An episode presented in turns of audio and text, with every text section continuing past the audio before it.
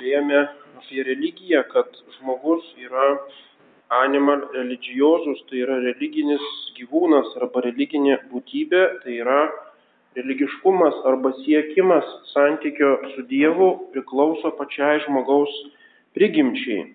Tačiau visa žmogaus prigimtis yra sugadinta gimtosios nuodėmės ir todėl gimtoji nuodėmė veikia taip pat ir religinę žmogaus prigimtį.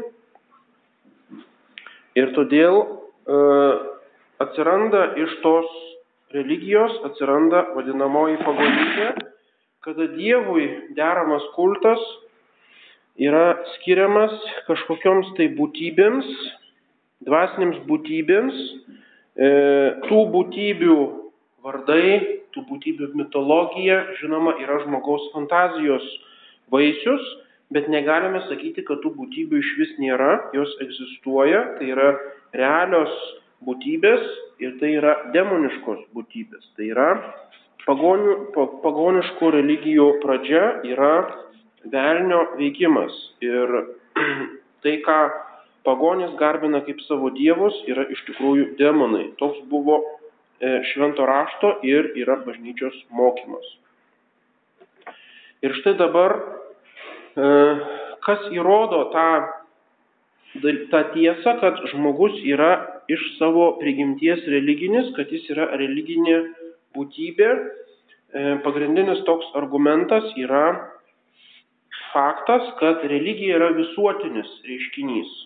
Taigi apologetikoje arba tikėjimo gynime mes galime tuo pasiremti, kad kur tik yra žmogus, istorijos viso, visoje eigoje ir visame žemės rutuly, vis, visose šalise ir visose kultūrose, visur sutinkame religiją.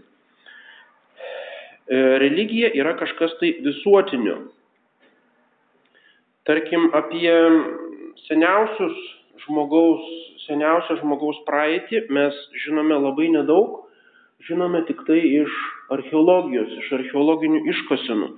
O tos iškasenos seniausiose stadijose jos mažai ką gali parodyti, kol žmonės dar nepradėjo gaminti iš akmens, iš tvarių medžiagų kažkokių tai gyvybių atvaizdų arba piešti ant uolų sienų, mes iš tų seniausių laikotarpių nieko neturime, kadangi žmonės gamino arba iš kaulo, arba iš, iš tokių nepasiliekančių medžiagų savo dirbinius Ir religija dažniausiai pasireikždavo jų veikimu, jų žodžiais, jų kažkokie elgesiu, kas visiškai neatsispindi archeologijoje.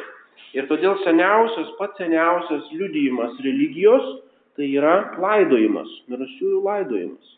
Reiškia, jeigu archeologai randa būtybę, kuri laidoja savo mirusiuosius, galima aiškiai sakyti, kad ta būtybė yra žmogus, o ne gyvūnas, kadangi gyvūnai savo mirusiųjų nelaidoja, ir kad tas laidojimas yra religinis aktas, nes nėra jokio e, e, grinai pragmatinio arba utilitarinio reikalo laidoti mirusius. Mirusieji, jeigu numiršta, kad jis e, nedvoktų, galima jį išmest kažkur tai. Reiškia, jį laidoti su įkapėmis tvarkingai turi būti tam tikra prasme aukštesnė negu vien grinai tai, ką galėtų suvokti, e, suvokti gyvūnas. Tai net neša jokios grinai išgyvenimui prasmės nei individui, nei kažkokiai tai e, grupiai žmonių. Vadinasi, laidojimas yra aiškus ženklas religiškumo. Ir ten, kur surandame laidojimą, galima sakyti, kad surandame liudijimą religijos. O vėliau seniausiose kultūrose akmens amžiaus jau randame tam tikrus atvaizdus, randame piešinius, netgi labai dailius, randame aiškius ženklus, liudijančius mm, tam tikrą antgamtinę antgamtinę mintį arba antgamtinę veiklą. Taigi istorijos, jeigu žiūrime į praeitį, nuo pat žmogaus pradžios galime dokumentiškai parodyti, kad iš tikrųjų religija yra e, visuotinis reiškinys. Kur tik tai yra žmogus, ten atsiranda tam tikras tikėjimas, tam tikri mitai, atsiranda tam tikros moralinės teisės, moralinės normos ir atsiranda ceremonijos arba ritualai. Ir visi tie elementai visiškai aiškiai yra susiję su religija. Ir apie religijos visuotinumą dėl to buvo įsitikinę jau senovėje netgi filosofai, tarkim, Plutarchas savo moralyje, jis rašo, jeigu apkeliausi visą žemę, rasi kai kur miestų be sienų, be mūrų, rasi netgi tautų be rašto, be teisių, be namų, be turtų, be pinigų, tačiau niekas nematė miesto, kuriame nėra šventyklų ir dievų. Nerado tautos, kuri nesimelstų, kuri neatliktų priesaikų, kuri ne, e, nesitartų su e, žiniais, kuri neaukotų aukų, kad gautų tam, tikrą, e, tam tikras malonės, kur nesistengtų e, šventais veiksmais nukreipti nelaimių. Reiškia, jis išvardina visus tuos elementus, kuriuos randame pačiose primityviausiose tautose, kurios net neturi miestų su mūrais, neturi rašto, neturi teisės ir taip toliau, bet visur randame tam tikras šventovės ir e, visus tuos religinius elementus. Tai prašė Plutarchas. Arba Ciceronas, mm, romėnų filosofas ir retorius rašo, kad nėra tautos tokios laukinės, kuri nežinotų, kad reikia turėti Dievą, nors dažnai jos nežino, kokį tą Dievą reikia turėti. Taigi pats tas troškimas turėti Dievą yra tiesiog žmogaus prigimti įrašytas, nors dažnai tos gentis nežino, koks tas tikras Dievas. Kitoje vietoje Ciceronas rašo, kiekviena valstybė turi savo religiją. Juk pati e, prigimtis rodo, kad reikia Dievą garbinti ir nėra žmogaus, kuris būtų laisvas e, nuo įstatymo, kuris tai įsako. Taigi jisai jau susiję religiją su bendruomenės teisė ir su pačia bendruomenė ir su valstybė. Reiškia, religija nėra asmens, individo fantazijos, kažkokių jo jausmų vaisius, bet jinai yra susijusi su valstybė, yra susijusi su žmonių bendruomenė ir tos bendruomenės teisėmis. Taigi, kaip žmogus nėra kaip pavienis individas, žmogus visą laiką yra bendruomenėje, animal socialis, reiškia bendruomeninis gyvūnas, Taip jisai bendruomeniškai išreiškia savo santykių su Dievu kaip religinis gyvūnas. Vėliau XIX amžiuje pasirodė mintis, kad yra tokių genčių primityvių tautų be Dievo. Toks etnografas Lubok ir kiti e, rinko liudijimus. Tarkim, nukeliavo, nukeliavo ekspedicija į ugnies žemę, kuri yra Argentinos pietuose pats toliau piečiausias Pietų Amerikos tokios salos, labai akmenuotos, labai blogas klimatas ir ten gyveno tokios primityvios akmens amžiaus gentis. Ir jie stebėdami, tie, tie keliautojai, kiek jie ten pabuvo, savaitę ir kiek, užrašė savo dienoraštį, neradome pas juos nie mažiausio pėtsako religijos. Reiškia, jie žvejoja, gaudo žuvis, medžioja ten pingvinus ar kažką tai ir visiškai nematėm jokios jų religijos. Remdamėsi tokiais paviršutiniškais e, etnografų e, pastebėjimais, būtent kai kurie ėmė teikti, kad seniausiuose e, gentyse religijos nėra, reiškia ir nėra religiškumo žymių. Bet paskui tolesnės etnografų, etnografų kartos ėmė tirti atidžiau tas visas gentis Ir galiausiai jau XIX amžiuje buvo visuotinai sutarta, kad ne, nerasta, empiriškai, moksliškai nerasta nie vienos tautos, nie vienos genties, kurioje nebūtų tam tikros formos religijos su visais religijos elementais. Taigi religija egzistuoja tiek, kiek egzistuoja pats žmogus. Ir visiškai klaidinga yra taikymas religijai vadinamo evoliucijos teorijos arba vystimosi Tai buvo būtent XIX amžiaus darvinizmas atsirado, reiškia gyvūnijos, gyvybės pasaulyje evoliucija. Ir šita evoliucinė idėja tapo tiesiog dogma. XIX amžiaus viskas evoliucionuoja. Reiškia, viskas ir gamtoje, ir žmogaus gyvenime, viskas iš pradžių yra primityvios formos, arba iš vis nieko nėra, paskui atsiranda primityvios formos, o paskui iš primityvių formų vystosi, vystosi į kažkokias tobulesnės formas. Ir tas evoliucinis mąstymas buvo pritaikytas religijai. Reiškia, buvo sakoma, taip kaip pradžioje nebuvo gyvybės žemėje, paskui iš kažkokios neorganinės medžiagos kažkokia tai ten sriuba susidarė primityvus planktonas, o iš jo išsivystė augalai ir gyvūnai. Taip ir religijoje. Iš pradžių žmonės buvo tokie laukiniai kaip žvėris, neturėjo religinės moralės ir, nieko, ir jokių normų, o paskui staiga iš kažkur susivokė ir atsirado pačios primityviausios religijos formos, o paskui iš jų išsivystė aukštesnis aukštesnės ir aukščiausia forma tai yra žinoma Vokietijos, Anglijos toksai apšviestasis protestantizmas, liberalusis protestantizmas, kuri yra aukščiausia įmanoma protinga tokia išsivyščiusi religijos forma. Tai reiškia, tokia susidarė vystimosi grandinė. Ir štai kokios tos primityvios formos, tai buvo pirmiausia, madingiausia tokia forma buvo fetišizmas. Fetišizmas tai reiškia ima kokį nors akmenį arba kaulą arba kokį nors e, e, gyvūno kaukolę ar dar ką nors, padaro fetišą, ima iš ją garbinti, o paskui sufantazuoja, kad tas fetišas iš tikrųjų yra kažkoks tai dievas ir iš to atsiranda kažkoks dievų kultas. Paskui kita buvo atrado Australijoje, kad australų aborigenai turi totemus. Reiškia, totemas yra tam tikras gyvūnas, kuriam priskiriama funkcija, kad jis yra tos genties protėvis. Reiškia, pirmiausia religijos forma buvo totemizmas, o paskui iš totemizmo atsirado visos kitos. Paskui kiti sakė, ne, ne, seniausia religijos forma tai yra animizmas, tai yra kažkokios tai dvasios, ta dvasia, iš kur jinai atsiranda, gal ją žmogus susapnuoja, gal jinai iš kažkur apsireiškia, galbūt mir, mirusysis pasirodo kaip vaiduoklis ir reiškia yra dvasia. Viso, visas pasaulis pilnas tokių dvasių, sklaido jos ir paskui kai kurios iš tų dvasių, kurios yra galingesnės ir ryškiau apsireiškia, joms yra suteikiamas vardas ir jos tampa dievais ir iš to atsiranda dievai. Taigi XIX amžiuje buvo tokia, tokia schema, kad pirmiausia, žemiausiai pakopui nėra religijos, Paskui atsiranda primityvi religija. Tai yra arba fetišizmas, arba totemizmas, arba animizmas. Paskui iš to išsivysto aukštesnė forma, tai yra politeizmas, tai yra daug dievų, daug dievystė, taip kaip matome, tarkim, Indijoje, arba lietuvių pagonių religija, arba kitos religijos.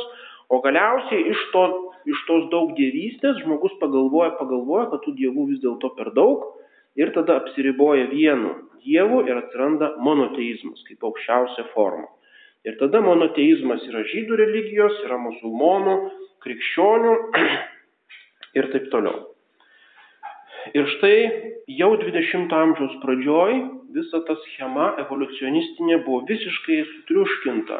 Ne kažkokios tai bažnyčios apologetų, bet pačių etnografų, pačių antropologų, pačių religijos mokslininkų parodyta, kad jinai visiškai yra nepagrįsta, o viskas yra kaip tik atvirkščiai. Ir štai labiausiai prie to prisidėjo Vienos mokykla. Viena Austrijos sostinė 20 amžiaus pradžioje susikūrė antropologijos mokykla Vienoje ir jos e, vienas iš lyderių yra kunigas Vilhelmas Šmitas, kuris priklausė, priklausė verbistų ordinui. Verbistai Dievo žodžio kongregacija misionieriai, kurie e, vykdydavo misijas įvairiausiose kraštuose. Ir štai Šmitas turėjo kontaktų su misionieriais visame pasaulyje ir jis dešimtmečius kaupė medžiagą, etnografinę medžiagą, kurią surinko tie misionieriai visame pasaulyje. Jis tą medžiagą rinko ir iš tos medžiagos išėjo 12 tomų milžiniškas veikalas Der Ursprung der Gottes idėja, Dievo idėjos kilmė, Dievo, Dievo idėjos e, pradžia. 12 e, tomų iki 55 metų leido tą veikalą. Ir štai to, tame veikale visiškai nenuneigiamai parodyta, kad seniausiose, labiausiai primityviuose tautose, būtent toje pačioje ugnies žemėje, pas pigmėjus Afrikoje, pas Andamanų salose prie Indijos, e, visose primityviausiose gentyse, jų pirmykštė religijos forma kaip tik ir buvo monoteizmas. Tai, ką evoliucionistai statė į pačią paskutinę vystimosi stadiją, jis rado pačiose primityviausiose gentyse.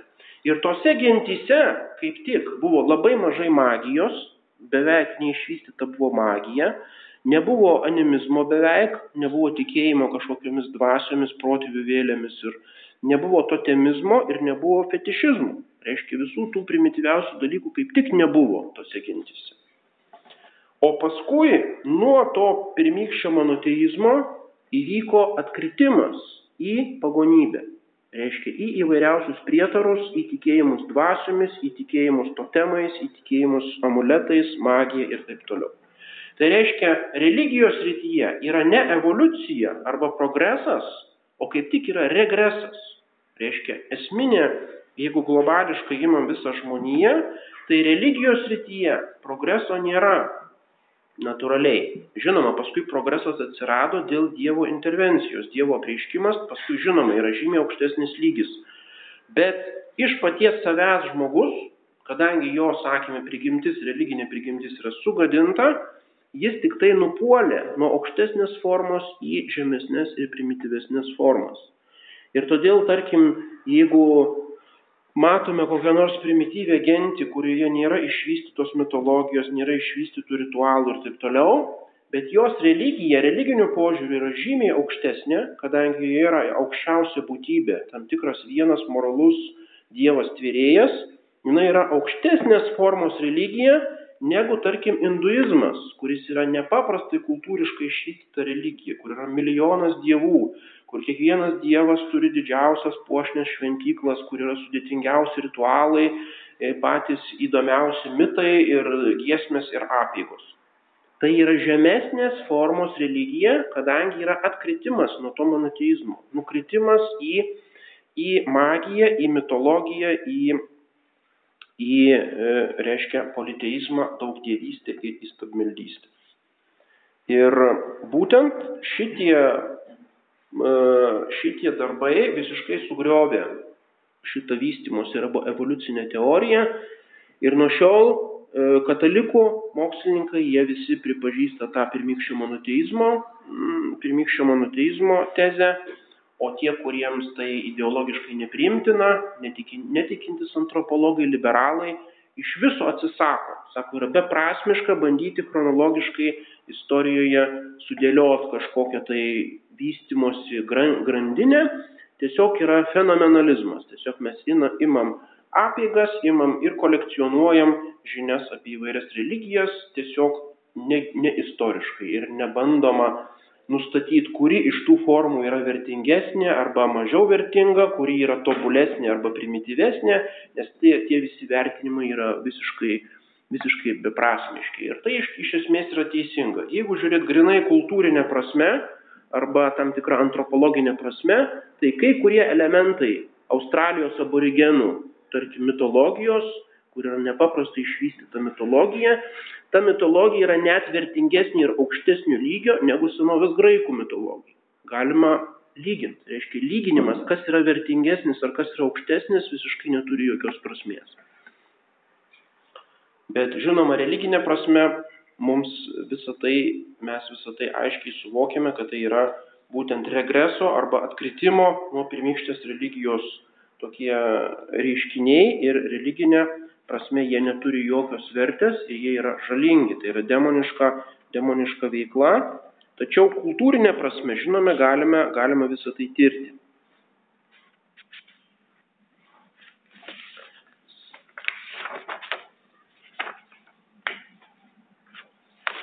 Taigi religija yra visuotinis reiškinys. Negalėjo būti tokių laikų, kuriuose nebuvo tam tikros religijos.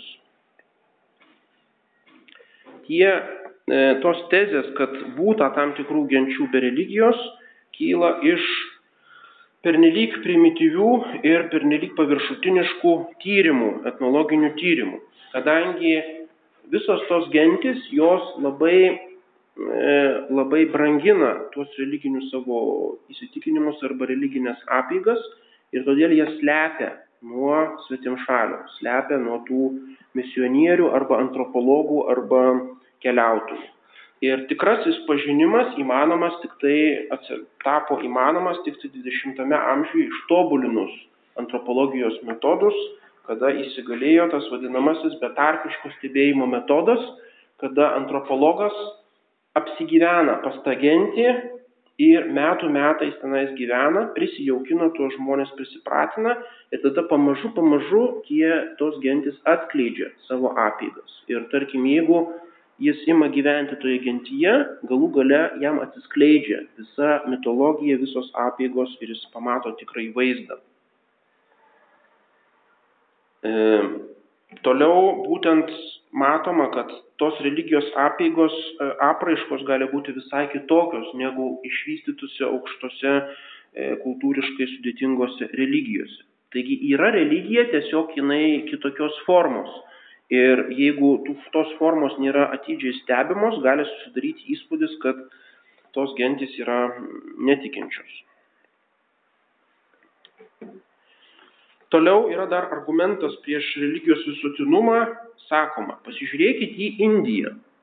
Indijoje susidarė jau hinduizme kai kurios kryptis hinduizmo, kurios yra ateistinės, kurios atmeta dievus, sako, kad dievų nėra. Paskui iškilo tokios dvi svarbiausios kryptis, tai yra džainizmas ir budizmas Indijoje, kurių visoje mąstymo sistemoje taip pat Dievo nėra. Nei Dievo tvyrėjo, nei daug dievystės, nei daug dievų. Toks argumentas. Taip, galima sakyti, kad e, ten nėra dievų, tačiau tos tos hinduizmo visos formos nėra tikras ateizmas. Jos ne neigė dievų, tačiau buvo abejingos dievams. Tai yra nenagrinėjo dievų klausimo arba sakė, kad dievų mes negalime pažinti. Ir toliau ta bėdėvystė yra tik tai pačioje pirmykštyje filosofijoje. Jeigu imi tuos pirmykščius tekstus, džainizmo religijos arba budizmo, ten iš tikrųjų aiškiai sakome, kad apie dievus mes nieko nežinome ir dievais mums nereikia rūpintis, mums reikia rūpintis savo pačių dvasinių tobulėjimų, kažkokios nirvanos pasiekimu ir taip toliau. Savo išganimu. Tai yra grinai praktinės religijos. Kaip praktiškai išsigelbėti nuo kančių šitame pasaulyje. Tai yra budizmo ir džainizmo tikslas. Tačiau jau nuo, nuo pirmųjų stadijų dievai buvo pakeisti kažkuo kitu. Budizme yra vadinamas budos ir bodhisattvos, džainizme ta yra tirtankaros, ar kaip tenais vadinasi, reiškia tam tikri tobulumo, aukšto tobulumo pasiekę žmonės laikomi tokiais kaip kvazi dievais. Ir iš karto jau pirmaisiais amžiais budizmo džainizmo atsiranda kultas tų būdų ir bodhisattvų.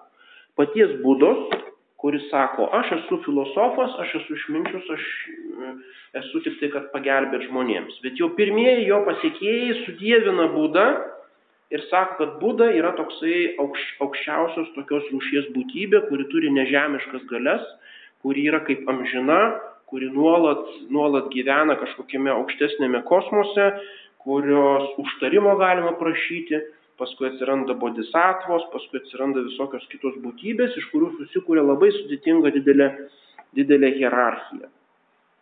Toliau budizme ir, ir džainizme ir kitose religijose toliau tikima visokiomis vietinėmis dievybėmis, vietinėmis dvasiomis. Ir todėl tos religijos nuo pat pradžių turi visus religijos elementus, turi kultą, turi tokias kvazi garbinimo objektus, būtybės, turi religinės apėgas, religinę mitologiją, filosofiją ir taip toliau. Ir todėl iš tikrųjų tai yra tikros religijos ir negalima sakyti, kad jos yra ateistinės. Tai, kad šiandien atsirado didelės, didelis sluoksniai žmonių, kurie gyvena be Dievo, tai yra tam tikra anomalija. Bet tai yra kaip išimtis iš taisyklės. Reiškia, kad religija yra visuotinė, tai nereiškia, kad e, visi žmonės turi būti tikintis. Visais laikais atsiranda tokių skeptikų, kurie atmeta Dievą, tai nėra argumentas prieš religijos visuotinumą. Tie žmonės tiesiog išjungia labai svarbų elementą savo prigimtyje, e, tiesiog atsisako mąstyti apie aukščiausias priežastis ir aukščiausią tikslą. Reiškia, jie tampa tokiais dvasiniais invalidais, galima sakyti. Ir tas invalidumas, neįgalumas nėra argumentas, kad religiškumas nepriklauso žmogaus prigimčiai. Arba kitas argumentas, kad e, tiesiog religija atsirado iš žmonių tamsumo, iš žmonių tiesiog, kad nebuvo mokslo, nebuvo švietimo ir išsilavinimo, tai todėl žmonės iš to tamsumo prisigalvojo savo visokių dievų, kurie juos turi kažkaip tai gelbėti. Ir reiškia, kad tikroji žmogaus prigimtis tai yra racionalumas, protingumas ir tiesiog anksčiau žmogus buvo nepakankamai išsivystęs, jis buvo nepakankamai protingas ir todėl toje ankstesnėje stadijoje susikūrė religijos arba tarkim kaip e, pozityvizmo, pozityvizmo kūrėjas Komt, man rodos, jis tą hierarchiją tokią sudaro. Seniausioje stadijoje yra religinė stadija ir racionali. Tiesiog žmogus išjungia savo protą, remiasi jausmais, fantazijomis, kažkokiamis iliuzijomis ir tada kūrėsi religijos. Antra stadija yra filosofinė arba metafizinė stadija. Kada jau žmogus įjungia savo protą bet jo protas nesiremia pozityvia žinyje, nesiremia eksperimentinių mokslų duomenimis, reiškia jisai kūrė tokias proto loginės konstrukcijas ir atsiranda metafizika. Tai yra Platonas, Aristotelis sukūrė tokius rūmus, filosofinius, tokias dvasinės kažkokias struktūras, kurios neturi ryšio iš esmės su realybė. O štai dabar sako, atėjau aš, komtas ir esu pats protingiausias iš visų. Ir dabar prasideda trečia žmogaus vystimosi stadija, pozityvioji stadija, kuri atmeta religiją ir filosofiją, to nebereikia, o yra tik tai pozityvus mokslas. Pozityvus tai reiškia, ką galiu su mikroskopu pamatyti, ką galiu išmatuoti, ką galiu aprašyti vat tas e, fizinis, fizinio pasaulio tyrimas tai yra mokslas. Ir štai dabar žmogus galiausiai subrendo, atėjo į protą ir jam užtenka to mokslo ir jam religijos nereikia. Ar tai yra tiesa? Vėl, paprasčiausias argumentas prieš tai, tai yra biografijos, daugybės mokslininkų biografijos. Jeigu yra ištisos, reiškia, studijos nagrinėjančios XIX ir XX amžiaus mokslininkų, aukščiausių mokslininkų santykių su religija. Ir štai kurie mokslininkai buvo labiausiai ateistai ir atmesdavo Dievą, tai yra humanitarai, tai yra filosofai, tai yra istorikai. Reiškia tie, kurie kaip tik ne, nesijima to pozityvaus tyrimo. Jie iš, labiausiai buvo ištikimi tai racionalistiniai ideologijai ir būdavo ateistai. O kurie mokslininkai buvo labiausiai artimi Dievui ir netgi pamaldus, tai buvo gamtininkai, buvo fizikai, buvo gamtos mokslininkai, chemikai, tie, kurie aiškiai tyrinėjo visą tą, visą tą gamtą. Ir galime visus tuos, tas pavardės, tarkim, elektrikai, elektros atradėjai ir visų elektros reiškinių tyrėjai, Volta, Amperas, Faradėjus arba Omas, Visi jie buvo giliai religingi žmonės. Ir apie juos galima paskaityti Voltą. Kasdien eidavo į mišes, kasdien klausydavo mišių, e, švenčių dienomis priimdavo šventą komuniją, kasdien kalbėdavo rožančių. Toks tapo pats pabažniausias iš tų mokslininkų XIX amžiaus. Amperas taip pat buvo labai uolus katalikas. Jo draugas buvo Ozanamas, e, katalikų socialinio mokslinio socialinio mokymo vienas iš pirmtakų XIX amžiuje. Ir Amperas e, Ozanamui yra rašęs laiške, koks didelis yra Dievas, koks didis yra Dievas, mm, o mūsų žinios apie jį kokios yra menkos.